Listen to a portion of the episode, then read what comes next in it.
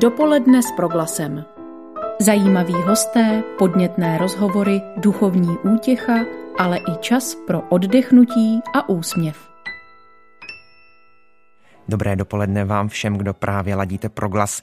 I v novém týdnu vám v čase mezi devátou a desátou hodinou dopolední nabídneme aktuální informace k právě probíhající karanténě a budeme se snažit připojit i povzbuzení a potěchu. Dobrý poslech všem přeje Ondřej Havlíček. Naším prvním hostem ve vysílání je kněz, teolog, autor řady knih, monsignor Aleš Opatrný. Dobrý den. Dobrý den. Vy jste se narodil v době, kdy u nás existoval protektorát Čechy a Morava. Prožil jste mnohá další omezení spojená se zákazy vycházení, taky 40 let komunistické totality omezující lidská práva, nemožnost jezdit do zahraničí. Tak mě zajímá, neprožíváte dnes v tomto směru určité deja vu? To bych ani neřekl, tedy já jsem se narodil za protektorátu, ale v roce 44, takže to jsem si ho moc neužil. A co se týče mm, komunistické diktatury, tak to jsem si užil, ale v tom jsem vyrostl. Takže to je trošku nějak jinak, než kdyby člověk to viděl jako neznámou věc. Nějaké vzpomínání na dřív, to mě tady ani moc, jak si ne, se mě moc netýká. Nicméně týká se vás ten věk a všude ve sdělovacích prostředcích dnes lidé slyší, že právě dříve narození patří mezi nejohroženější při případné nákaze koronavirem. Tak jak se vás tohle dotýká? To je ano, tohle to je jiná věc. To se mě teda opravdu dotýká. Protože člověk si se na jedné straně může uvědomit, že a uvědomuje si, že ohrožen je vlastně celý život.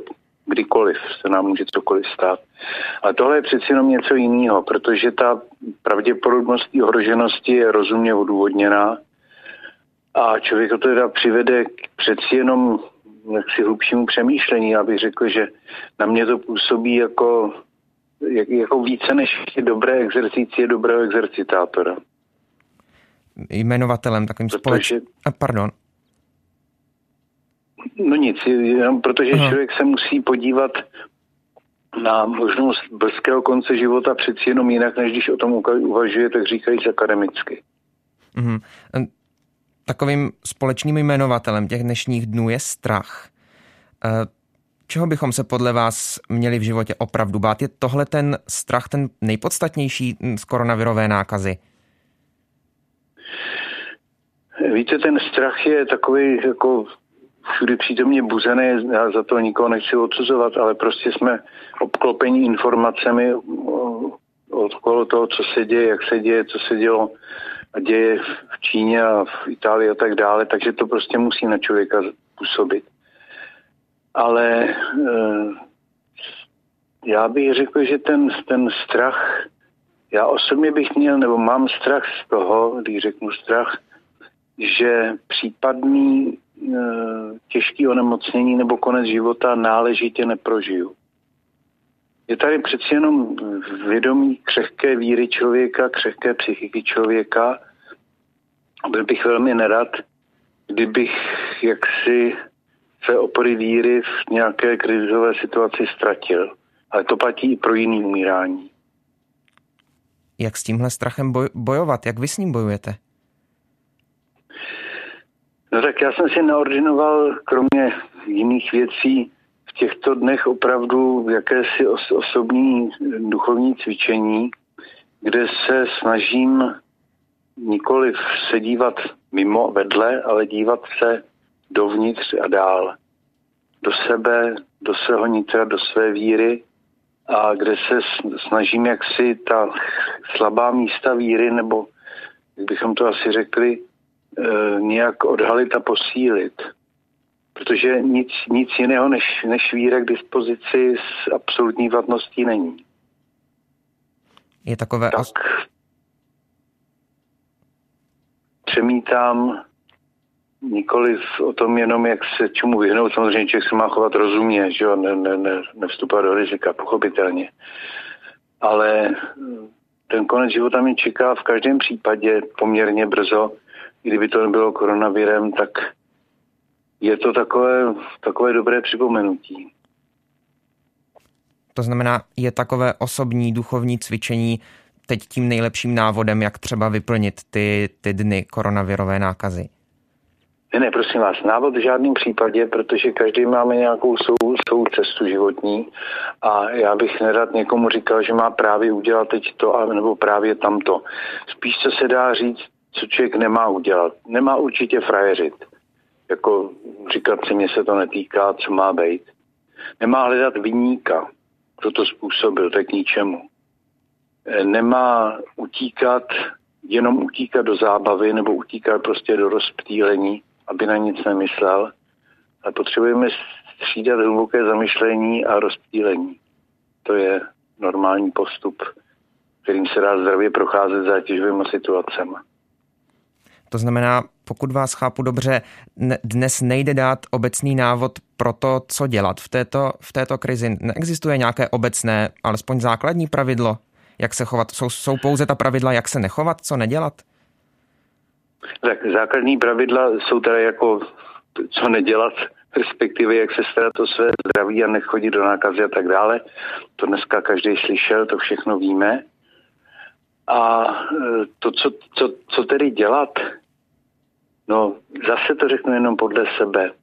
E, hledat nebo snažit se v modlitbě o hlubší spojení s Bohem, abych nebyl pořád jenom v, v kontaktu se svými nelibostmi, strachy, obavami a tak dále, aby byl, aby byl v kontaktu s ním, protože ve chvíli, ve chvíli smrti mi nezbyde nik, nic a nikdo jiný než živý Bůh tak s ním potřebuju být, potřebuji být blízko. Ale jak to blízko, kdo dělá, to je samozřejmě různá věc různého duchovního, stylu duchovního života. V neposlední řadě tu máme světce. Světce jako, ne jako primárně záchranáře, jako teď hodně pod nebezpečí, ale jako průvodce na cestě, která vede k Bohu, i kdyby koronavirus nebyl. Jak tuhle boží blízkost naplnit v době, kdy eh, lidé nemůžou chodit na bohoslužby, kostely jsou zavřené? Nechybí podstatná část té, toho našeho projevu víry?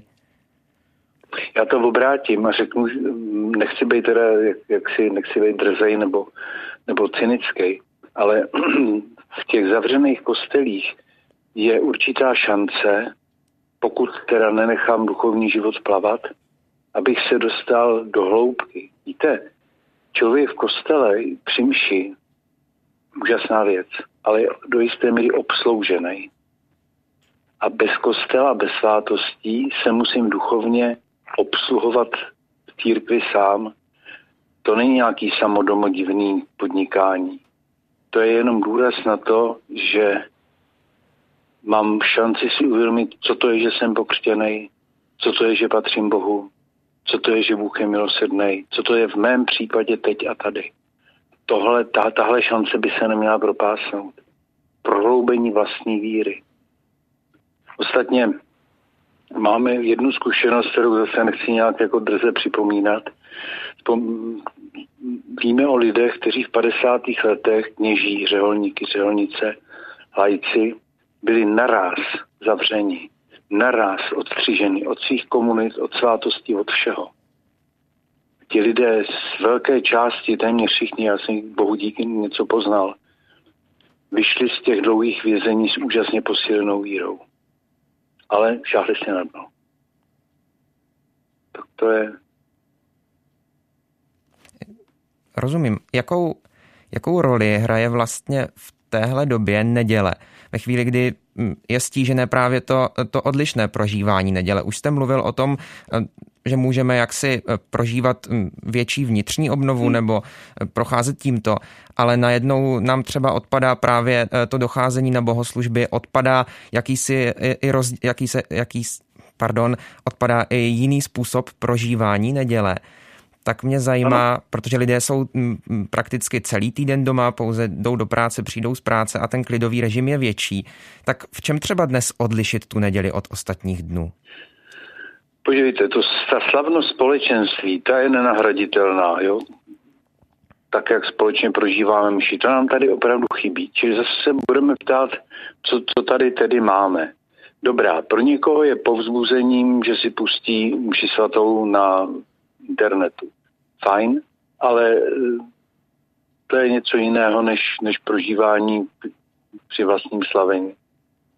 To, co můžeme zase udělat, je, že běžně říkáme, nebo teologie to říká, že neděle je slavnost Kristova vzkříšení. Tak si to téma teda vezměme, tak říkají do ruky. A zkusme si udělat tam, kde to jde, kde člověka třeba ne, rozpijou malí děti. Zkusme si udělat čtvrthodinku přemýšlení nad tím, co to je ta slavnost kříšení, jak je to úžasné, že se to týká lidí po celém světě. Můžeme si udělat takový, jako bych řekl, mentální cvičení, když si, když si představíme země kouly a představíme si, jak se tam všude, všude, všude, všude, všude lidi modlej, k témuž Bohu v témž duchu, slaví téhož Krista, úžasný. Není to náhrada za společné slavení, ale je to určitá, může to být určitá, určitá pomůcka. E, potom v rodině slavnostně prostřený, nebo prostřený stůl hezky, jinak než ve všední den. Jo, některýma těmhle vnějšími věcmi si můžeme připomenout, že prožíváme jiný den v týdnu. Ale pořád to bude do jisté míry nouzovka. To se nedá nic dělat. Jak si náhradu společné slavní Eucharistie plnohodnotnou nemáme.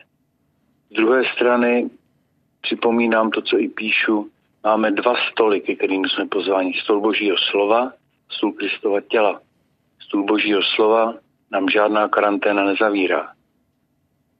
Zase můžeme si všimnout nejenom toho, jestli bylo kázání dlouhý nebo krátký, chytrý nebo méně chytrý, ale zastavit se nad Božím slovem a, a namáhat se nad ním. Namáhat se nad ním, abych porozuměl a přešel do modlitby. To můžu. To můžu i jindy, ale tady z toho můžu být trošku přitlačen a to je dobře. Když už je to špatně, tak je to dobře, že budu přitlačen. O rozdílnosti prožívání duchovního života teď mluvíme v pořadu Vítejte seniori s monsignorem Alešem Opatrným. Mě zajímá teď ještě otázka z trochu jiného soudku. Vy jste také zakladatelem a členem společnosti pro studium sekt a nových náboženských směrů. Myslíte, že současná situace může nahrávat vzniku nových sekt, případně radikalizaci věřících? No, tak zátěžová situace u řady lidí vede k radikalizaci u někoho aktivit, radikalizaci aktivity, u někoho k radikalizaci pasivity. E, já si myslím, že zrovna, zrovna sekty se na tomhle tom moc živit nebudou. E, spíš mám jaksi problém se splašenými křesťany, kteří mají rozstavní, výklady toho, jak nás pán Bůh trestá a co všechno na nás přišlo a má přijít a kvůli tomu málem z toho mají radost. Tak to, tohle, tohle samozřejmě ne. Ale splašený názory se vyskytnou, nějaká sektička si to možná nějak přisvojí, ale víte, v naší, bych to řekl, nábožensky chladné společnosti se sekty příliš velké pozornosti netěší, když to vezmeme jako celostátně. Naším prvním hostem v dnešním živém vysílání od 9 do 10 hodin byl monsignor, monsignor Aleš Opatrný. Děkuji vám za rozhovor a naslyšenou. Děkuji také, nashledanou. Za malou chvíli bude na příjmu kněz Lukáš Engelman. Nejsme zdaleka jedinými, kteří mu v těchto dnech volají. Víc prozradíme už za chvíli. Dopoledne s proglasem. Nejen naše země prochází těžkým obdobím. Už řadu měsíců jsme denně informováni o postupu onemocnění, které je způsobené koronavirem a v posledních týdnech bylo infikováno i několik stovek lidí v naší zemi. Být denně vystaveni zprávám o hrozbě, se kterou se snaží bojovat téměř celý svět, je mimořádně, mimořádně náročné na psychiku. Možnost nebýt na to sám nabízí i aktivity duchovní a psychoterapeutické pomoci po telefonu. Jedno z čísel, na které je možné volat, patří i Lukáši Engelmanovi, který kromě duchovní pomoci nabízí i psychoterapeutickou. No a Lukáše Engelmana máme teď už na telefonu. Dobré dopoledne. Dobré dopoledne, všechny vás zdravím. Pane Engelmane, proč jste se rozhodl do tohoto projektu připojit? Tak abych pravdu řekl, tak chvíli jsem váhal, ale nakonec jsem kývil a vnímám to jako takovou určitou svoji morální povinnost, protože jestliže mi církev umožnila studovat psychologii, tak cítím, že bych to chtěl i tímhle způsobem, nebo měl bych i tímhle způsobem vrátit. Komu je ta duchovní pomoc, kterou nabízíte, určená? Ptám se na to, zda primárně věřícím, nebo i nevěřícím? Tak já bych vás jednak eh, opravil, že to není eh, jenom duchovní pomoc, ale spíš duchovně psychologická pomoc a určitě je určena komukoliv. Já nebudu nikomu asi zjišťovat míru víry eh, k tomu, kdo zavolá, ale je logické, že díky tomu, kde se ta čísla nachází, tak cílová skupina jsou určitě lidé věřící. Zajímáme, zajímá mě, s jakými obavami se nejčastěji setkáváte. Na to se lidé ptají. Je pravda, že ta služba ještě není až tak exponovaná. Volá tak průměr, průměrně bych řekl jeden člověk denně. Mluvil jsem s jedním kolegou, tak eh, ten mi říkal, že se mu neozval ještě nikdo. Takže, eh, ale z toho, z těch málo lidí, co volali, tak bych řekl, že častokrát to byly eh, nějaké úzkosti ohledně té situace, ve které se teď nacházíme. Někdy to byly nějaký specializovaný odborný dotaz, který se třeba týkali něčeho jiného. Ale častokrát to bylo, hm, volali lidi, kteří byli sami a nějak potřebovali si s někým popovídat o tom, co teď zrovna prožívají a proč to prožívají. Takže tak. Z vaší zkušenosti, jakou sílu má takový jednorázový rozhovor a jaký dopad na celkovou psychickou situaci člověka? Může, může ho, mu opravdu pomoct, povzbudit ho? Myslím si, že ano, protože uh, najednou ten člověk může svoji situaci rozebrat s někým, kdo je nezau, nezaujatý, kdo není v té situaci, ve které se nachází a je to taková možnost vyslechnout si někoho třetího. Předpokládáte, že ta služba bude fungovat i do budoucnosti, nebo je to uh, vymezeno jenom na to období karantény, případně koronavirové krize? Myslím si, že bude fungovat, dokud bude potřeba. Je to služba koordinovaná Syrometodickou teologickou fakultou a tak právě pravděpodobně záleží na nich, kdy oni určí a jakým způsobem uh, oznámí ukončení této služby ale dokud eh, určité, řekněme, psychické vypětí v naší společnosti bude fungovat, tak určitě bude fungovat i tato služba. Pojďme k vám, pane Engelmane. Eh, kam se obrátí kněz a psychoterapeut, pokud má sám eh, psychický problém, nebo na něj třeba ta situace také těžce doléhá? Ke komu chodíte vy, nebo ne, nemusíte jmenovat, ale... tak samozřejmě, že člověk taky má uh, určité přátelé, kolegy kněze, kteří, se kterými může eh, tuhle vlastně službu vůbec psychický stav konzultovat. Je tady i dobrá svátost smíření, která věřím, že taky velice pomáhá. A je tady supervize té činnosti, které člověk dělá, která je taky velká pomoc. Tato situace koronavirové krize, karantény, uzavření lidí doma je pochopitelně bezprecedentní. Přesto se zeptám, mhm. existují nějaké modely, podle kterých postupujete? No úplně nějaké modely nemám k dispozici. Jak říkáte, je to bezprecedentní. Nicméně slyšel jsem, že podobná služba funguje už v Itálii, země, která je daleko více postižená než ta naše a věřím, že dojde i k nějakému určitému spojení a propojení zkušeností a že nám i vlastně z Itálie určité zkušenosti předají. Slyšel jsem, že se připravuje nějaký manuál. Existuje nějaká jednoduchá rada, kterou můžete nabídnout našim posluchačům, jak eh, se psychicky vyrovnávat s touto krizí, s obdobím karantény? Hmm. Já myslím, že úplně jednoduchá rada neexistuje, protože každý jsme jiní, každý máme nějakou svoji osobnost, svoje prožívání, ale určitě bych nebyl, já jsem pro takovou zdravou míru. Na jednu stranu ani nestresovat, na druhou stranu ani nebýt nějaký laxní vůči té situaci, ve které se nacházíme. Takže určitá opatrnost je na místě, ale ta opatrnost nesmí zase být taková, že člověka totálně sváže paralyzuje, že není schopen normálně fungovat. Říká Lukáš Engelman, kněz a psychoterapeut, který je součástí duchovní pomoci nabízené českými a moravskými diecézemi. Já vám, pane Engelmane, děkuji a přeji hezký den. Hezký den, mějte se hezky.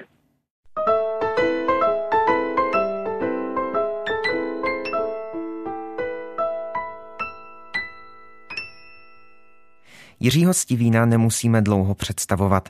Je to muž charakteristický svou zobcovou flétnou a nezaměnitelnou čepičkou. Je to ale také jazzman, multiinstrumentalista a hudební skladatel. A Jiřího Stivína právě teď vítám ve vysílání Radia Proglas. Dobrý den. Dobrý den, zdravím. Pane Stivíne, kde jsme vás zastihli? Jste v Praze nebo jste prch, prchl na chalupu? Ne, jsem doma, jsem doma, já nejsem přímo v Praze, já bydlím ve Včenorech, což je u Prahy, kousek teda 20 kilometrů, takže jsem vlastně na, venko, na venkově, dá se říct.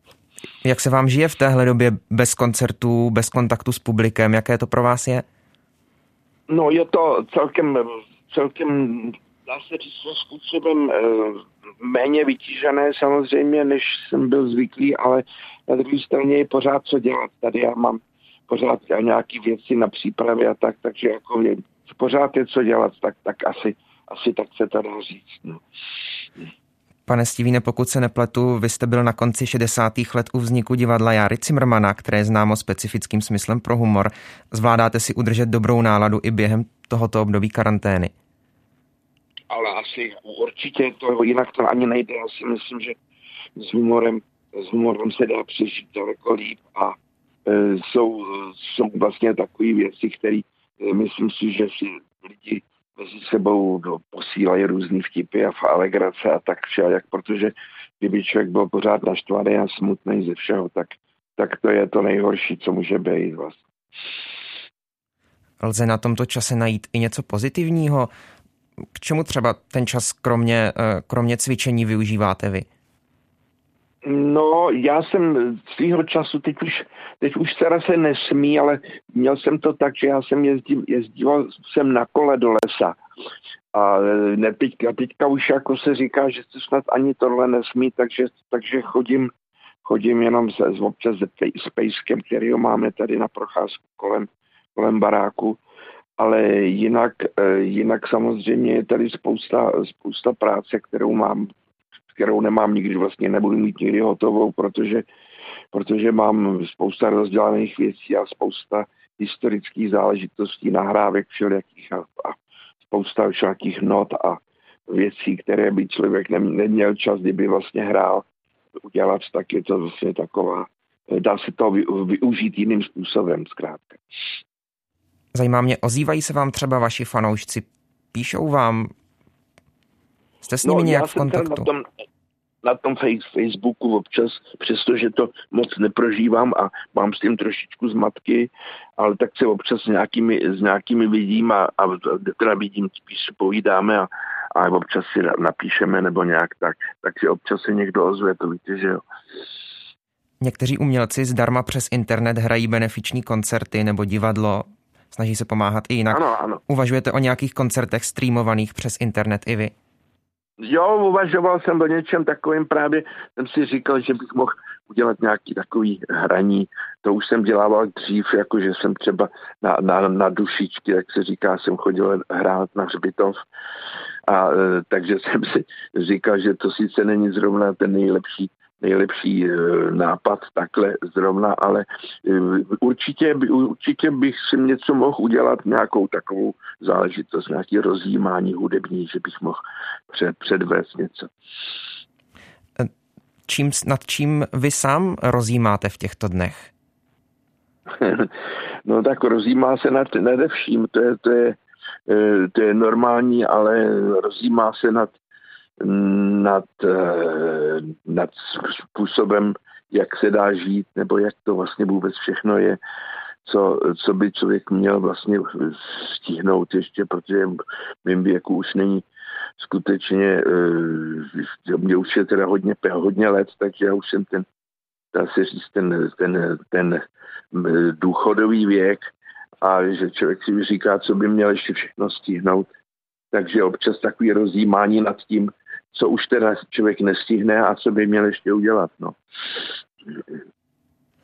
Mluvili jsme spolu právě o streamování eh, koncertů a o tom, že cvičíte. Mohli bychom vás teď poprosit, zahrál byste něco ze svého repertoáru do živého vysílání pro glasu? Zahraju vám, počkejte, to víte, že jo, ale musím si vzít nějakou, eh, nějakou flétnu, která bude ta pravá ořechová, už pro ní běžím. Já tady mám, ono to tady je u nás tak, že že máme spoustu, spoustu schodů taky tady, protože já to nemám úplně jednoduchý. A zahraju vám na takový zvláštní klarinet vám zahraju, což je což je takový, dá se říct, spíš smutný nástroj, ale myslím si, že se to bude hodit. Takže okamžik, já si, to, já si ho na, na, já si ho připravím někde. Neměl jsem to, jo, ano, je to tak. Takže po okamžik už se, už se, už se, to, už se to rýsuje, dám takový rozjímání, dá se dopolední rozjímání, ano? Ano, dobře, těšíme se.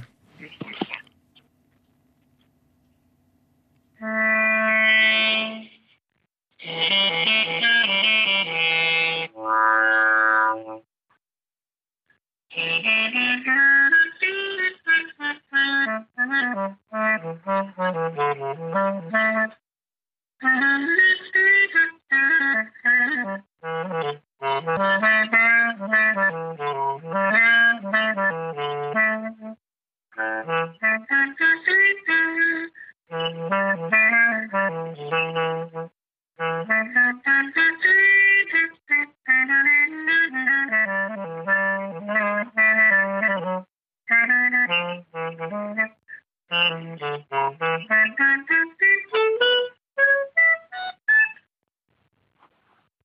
Slyšeli jste mě? Slyšeli jsme vás krásně. Jo, takže takhle si já tady hrá, hrávám samozřejmě. Mám tady flétny, saxofony, klavír a tak vůbec. Takže můžu pořád, jako není problém. Děkujeme moc krát. Těmito tóny se s námi rozloučil hudebník Jiří Stivín. Díky za váš čas, který jste věnoval našemu vysílání a taky za ten závěrečný ano. malý koncert. Dobře, děkuji taky, nashledanou. Naslyšenou. A nás čeká už poslední host, kterým bude psychiatr Radkin Honzák. Dopoledne s proglasem. Po telefonických linkách teď vítám psychiatra Radkina Honzáka. Dobré dopoledne přejeme. Dobrý den. Pane doktore. Dobrý den, zdravím. Pane doktore, jak se vám v těchto dnech daří? Jak se vás dotkla situace kolem pandemie? Mně se celkem daří dobře až na to, že tedy porýmně hrozně špatně slyším a dává se mi to pomalu dohromady, ale jinak jsem pln optimismu, radosti a veselí. Akorát ta nahluchlost není to nejlepší, ale to tak ty mý vrstevníci znají, že tedy občas musí okolo lidi opakovat otázky. Říkáte, že jste pln optimismu, radosti a veselí, tak je toho stejného plná i, i česká společnost? Ale tak pochopitelně není, tak tady není důvod k radosti, veselí a spokojenosti, pokud eh, jak si to neberete úplně fatalisticky. Takže já se nedivím, že eh, lidi jsou ustrašený a hlavně je tady ta nejistota, co bude dál, protože ani odborníci se nedokážou přesně vyjádřit a ty zprávy stíhají jedna horší druhou, tak potom eh, pochopitelně ta nálada ve společnosti není, není dobrá, ale my bychom se neměli nechat zahltit těmi emocemi a měli, by, měli bychom něco rozumného s nima umět dělat. Jaký vl... a... No, Chtěl jsem, se, chtěl jsem se zeptat, eh, jaký vliv na tu celospolečenskou náladu má chování vůdčích osobností? No pochopitelně rozhodující, protože dvě třetiny našich blížních jsou eh, lidi, kteří vyloženě potřebují vedení a kteří neunesou svobodu, to jako celá řada sociálně psychologických experimentů potvrzuje. jak říká Čapek, třeba na jatka, jen když nás vedou. Takže potom eh, na druhé straně tady máte to krásný přísloví, když chce pastýř potrestat stádo, tak mu dá slepýho berana. Takže eh, pochopitelně ty, ty, to chování a ty, ty výstupy těch čelných osobností ovlivňují eh, celou tu celospolečenskou náladu, protože v těch nejistotách my, my neustále hledáme nějaký pevný bod a e, v této době se hledá ještě o to hůř a tím pádem to upnutí k té autoritě je daleko, daleko mocnější a významnější. Jak ten pevný bod ve svém životě mají teď hledat lidé, kteří se ocitli v opravdu těžké situaci, třeba zůstávají bez příjmů a řeší, z čeho za měsíc zaplatí nájem, jídlo, léky? No tak eh, já mám eh, pro sebe takový osobní přesvědčení nebo eh, víru nebo dokonce téměř jistotu, kterou mám formulovanou tak, že pán se na mě nevykašle. A podstatě si myslím, že k tomu, co je tady na starosti dneska se ještě starat o to, co bude pozejtří, když tedy nevíme ani dne, ani hodiny, jak se ty věci vyvinou, tak eh, je, je takzvaně redundantní neboli nadbytečný. Eh, koukejte, v, na, na zlomu 19. 20. století byl velký, velký český porodník a to byl pan profesor Rubeška. A pan profesor Rubeška vychoval celý generace porodních babiček a jeho zásadní otázka eh, u té zkoušky pro ty porodní báby bylo, eh, co udělá bába za prvé, když vejde do chaloupky, kde se rozjíždí porod. Jo, tenkrát se rodilo v chaloupkách doma. Eh, co udělá bába za prvé? Co byste si řekl jako zkušená bába porodní, co udělá bába za prvé? Přemýšlím, já bych v těchto situacích hlavně zachoval klid. Ano, on říkal, on vyžadoval odpověď, obrátí svou mysl k Bohu. A to je to maximální soustředění, který umožní s přehledem eh, odlišit to zrno od plev a ty starosti toho typu, co bude, až bude, kdyby bylo, tak eh, přece jenom trochu odpadnou. A eh, pak je tam, protože my ty starosti nezaženeme, jo? my ne, neuděláme kšá, kšá a ta úzkost odejde, protože eh, ten emoční mozek se tím letím krmí. Takže je potřeba klást si takový ty parádně se tomu říká spochybňující otázky. A opravdu to bude tak děsný a opravdu a opravdu jsme ještě nepřežili horší věci a skutečně se musím takhle obávat dopředu, když teď dejchám, žiju a doví, co bude večer. Takže v podstatě ne pracovat s tou emoční složkou, ale pracovat s tou, s tou racionální částí té naší duše nebo té naší mysli, která eh, v podstatě nám dovoluje se soustředit a dělat něco logického a smysluplného. Takže místo toho, abych se úplně jalově ptal, co budu dělat za měsíc, kdyby tohle nebo onohle, tak si můžu sednout a dělat teď nějakou pořádnou věc teď a tady. Celá současná psychologie je naplněná takovým tím konceptem mindfulness. Jo. To znamená, že se totálně soustředuju na to, že jsem tady a teď.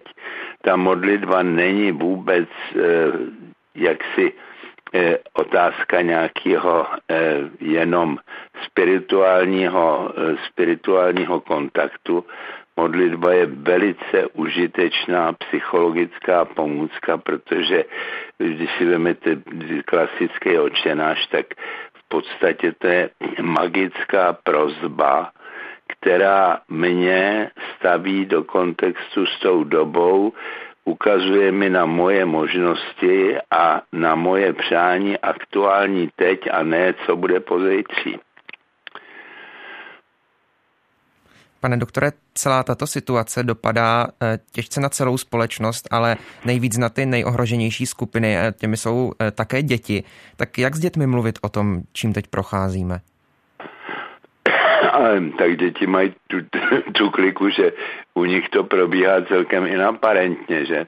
Takže děti, děti jsou jedině v podstatě to, co já smutním se svými vnučkami, je, že jsme separovaní a nemůžeme k sobě. A jinak eh, v podstatě já si myslím, že děti umějí brát eh, tu situaci toho nebezpečí daleko racionálněji než ty dospělí, protože nejsou zatížený celou řadou předsudků a, a představ a zkušeností, kdy nás zradili kamarádi a selhal stát a já nevím, já za svých krátkých 80 let pobytu tady na té zemi jsem zažil takových kalamitních situací, že kdybych eh, jak si se orientoval na ně, no tak eh, budu nešťastný 25 hodin denně a protože vím, že jsem tohle přežil všechno, tak počítám s tím, že mám nějakou vitalitu a nějakou možnost se s tím nějak srovnat do budoucna tohle ten, ten vzpomínkový baťoch těch špatných zkušeností ty děti nemají, takže já si myslím, že jsou na tom o něco lépe než střední generace a než, než tedy ty pesimisticky na to hledící staříci. Na naše otázky v dopoledním vysílání proglasu po telefonu odpovídá psychiatr Radkin Honzák. Pane doktore, myslíte si, že až z této situace výjdeme, naroste i počet rozvodů a rozchodů? Já si tohle netroufám vůbec posoudit, protože ta, tahle situace v podstatě za to, ať jsem toho viděl hodně, tu ještě nebyla. E, za druhý, e, počet rozvodů a rozchodu je e, stabilně špatný, tak jako jedna ku jedný. Na jednu svatbu vyjde jeden rozvod a Eh, rozklad rodiny pokračuje. Jak dalece tahle krize dá něk eh, lidi dohromady nebo je naopak eh, rozkmotří ještě víc, je těžko předpovídat. Ale co se dá předpovídat je, že po všech takovýchhle katastrofách, zemětřesení, tsunami a tajfuny a já nevím co všecko, stoupla religiozita, protože lidi si lidi si přece jenom uvědomí, jaký hodnoty v tom světě jsou eh, jaksi kvalitní a které věci můžeme postrádat. Jo? Jestli se naučíme za těch pár týdnů, co nás čekají, nebo měsíců, jak si ožalet některé pitomosti eh, spojené s eh, touhletou civilizací a takzvanou tekutou dobou a e, rozpoznáme, že tedy vztahy mezi lidma a jako e, určitá forma altruismu a teď není nutný, aby ta, e, ta duchovní stránka byla krmena a uzgrechnet náboženskou tématikou. Stačí, když vím e, něco o svém smyslu, tomhle světě a ten smysl je být s lidma, pomáhat jim a e, podle možností dělat všecko, aby ten svět byl lepší nejen pro mě, ale i pro ty mý blízký. A to, to, to, to jaksi společenství potom poskytuje, poskytuje daleko, daleko lepší zázemí než ty izolované situace, kdy já se eh, tedy kontaktuju se všema ostatníma jenom na sociálních sítích.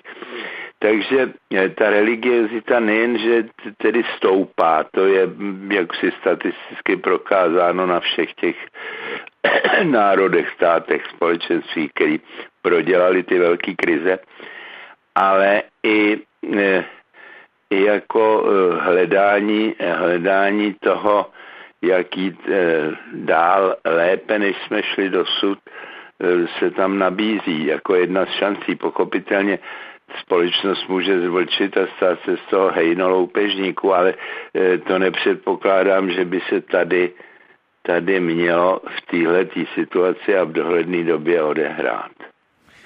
Pane doktore, z vašich eh, předešlých odpovědí se mi zdá, že celou tu situaci vidíte dost pozitivně. Eh, tak mě zajímá, jak může pozitivní náhled eh, na celou tu věc pomoct k vyřešení této situace a, a jak si udržet ten pozitivní náhled? Lidi ještě pořád nepočítají s tím, že emoce, emoce jsou tělesný děje. Emoce je nař, e, emoční centra nařídili organismus k nějakým akci. emoci, k nějakému pohybu. Takže když mám strach, tak jsem naštelovaný na útěk, když mám stek, tak jsem naštelovaný na rvačku, když mám smutek, tak jsem naštelovaný na to, že jsem bezmocný a, a pojďte mi pomáhat. A když mám radostnou nebo pozitivní emoci, tak ten celý můj organismus se naladí co nejharmoničtěji a dejme tomu z mých úžasným způsobem snižuje stresové hormony, zvyšuje potencialitu imunity, zlepšuje vztahy mezi lidma. Když si dva lidi povídají vtipy, tak je to něco úplně jiného, než když si vyčítají, co si kdy provedli. Takže umět se zasmát, umět najít, a to se dá, celý židovský humor vychází z toho, že byli ty chudáci Imr bere furt v jednom maléru a mají nejlepší vtipy na světě, kterým se zasměje každý, i když moc smysl pro humor nemá. Takže hledat tu pozitivní stránku věci, která snad spočívá v tom, že se do budoucna polepšíme a budeme, budeme méně sobecký, méně povrchní a, a méně eh, chamtiví po takových těch eh, spotřebních věcech, který de facto absolutně nepotřebujeme. Takže já jsem naladěný pozitivně, protože lidi kolem mě jsou naladěný pozitivně, já s tím, s tím ničemným uchem jsem protivný dědek a oni jsou na mě hodný, takže to mě zase zase bere to, abych eh, nebyl tak protivný. Čili ta blídná tvář nastavená tomu okolí je úplně nejlepším řešením do tohohle toho nedobrého času s důrazem na udržení si, na důležitost udržení si dobré nálady, končí eh, v našem vysílání rozhovor s psychiatrem Radkinem Honzákem. Přeji vám hodně zdraví, pane doktore, a těší mě, že jsme vás mohli slyšet aspoň po telefonních linkách. Naslyšenou. Děkuju, děkuju a zdravím a vydržte to. Teď jsme přežili horší doby. Děkuju, nashledanou. Od mikrofonu se loučí a zítra ve stejný čas se bude opět těšit Ondřej Havlíček. Dopoledne s proglasem. Každý všední den mezi devátou a desátou jsme v tom s vámi už 25 let.